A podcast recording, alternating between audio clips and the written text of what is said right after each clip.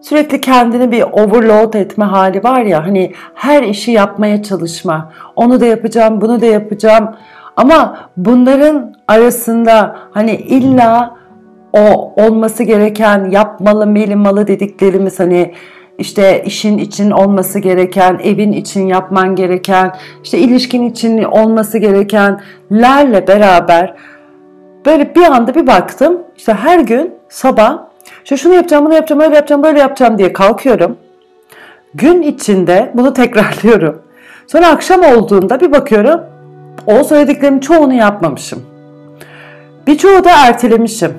Ve ertelediklerimin çoğu da aslında kendim için yapmak istediğim şeyler olduğunu fark ettim.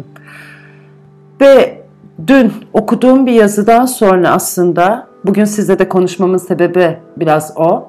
Bu Ekim ayının eğer beni sürekli dinleyenler varsa şu an e, ya da düzenli dinlemeye başlamış olanlar varsa Ekim 2019'dan bahsediyorum.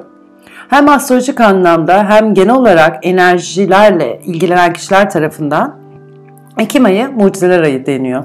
Neden olduğunu bilmiyorum. Astrolojiyle eskiden çok ilgilendim ama şu an eskisi kadar alakam kalmadı. Ama o enerjiler yoğun bir şekilde özellikle bu ay var diyorlar. Şimdi bu enerjiler bir şeyleri gerçekleştirmemiz için var. Ve bizim de yapmak istediğimiz şeyler var. Şimdi gerçekleştirmek istediğimiz her neyse peki onlar için alanımız var mı?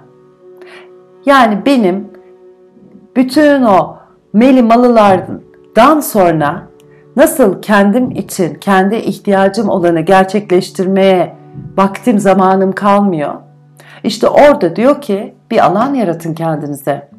Ve bu alanı o meli malıları birazcık azaltarak belki gün içinde kendime belirlediğim o melimalılar arasında dur bugün o melimalılar yerine kendim ihtiyacım olan bir şey yapayım ya da kendim istediğim bir şeyi gerçekleştireyim.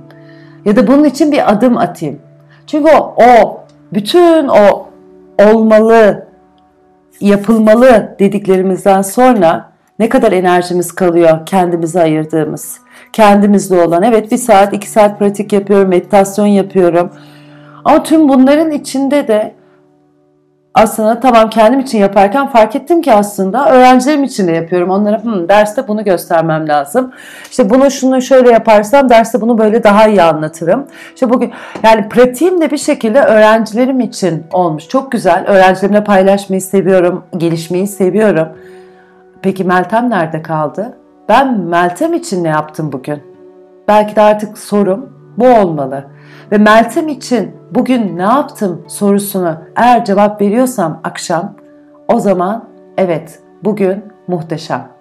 Ama bu soruya eğer tam cevap veremiyorsam ve benim niyetlerim var, isteklerim var, arzularım var gerçekleşmesi için o zaman dert yanmayayım kimseye. Neden olmuyor, niye olmuyor diye alan yaratıyor musun onlara ki olsun? Hani o dolabın içine sürekli yeni bir şeyler alıp askıya asıp tıkıştırmak gibi.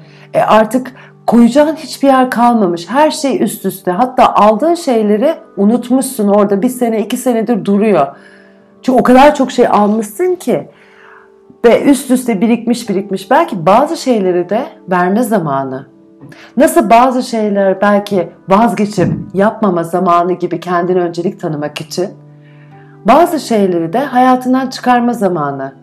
İşte o zaman o enerjilerin harekete geçmesi senin niyetlerini gerçekleştirmek için işe yarar. Çünkü o zaman alan açmış oluyorsun.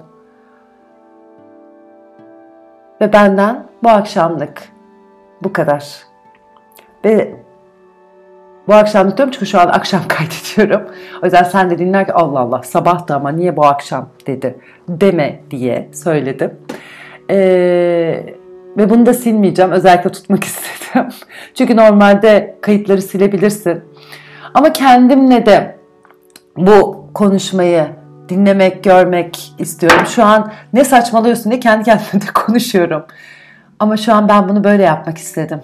Herkesin o söylediği böyle olmalı. Ses kaydı şöyle yapılmalı. Bunu işte şu mikrofonu kullanman lazım. Bunu böyle söylemen gerekiyor gibi. Bütün o kuralların dışına çıkıyorum. Çünkü ben burada sonsuza kadar mutlu yaşamak istiyorum. Nasıl sonsuza kadar mutlu yaşarım?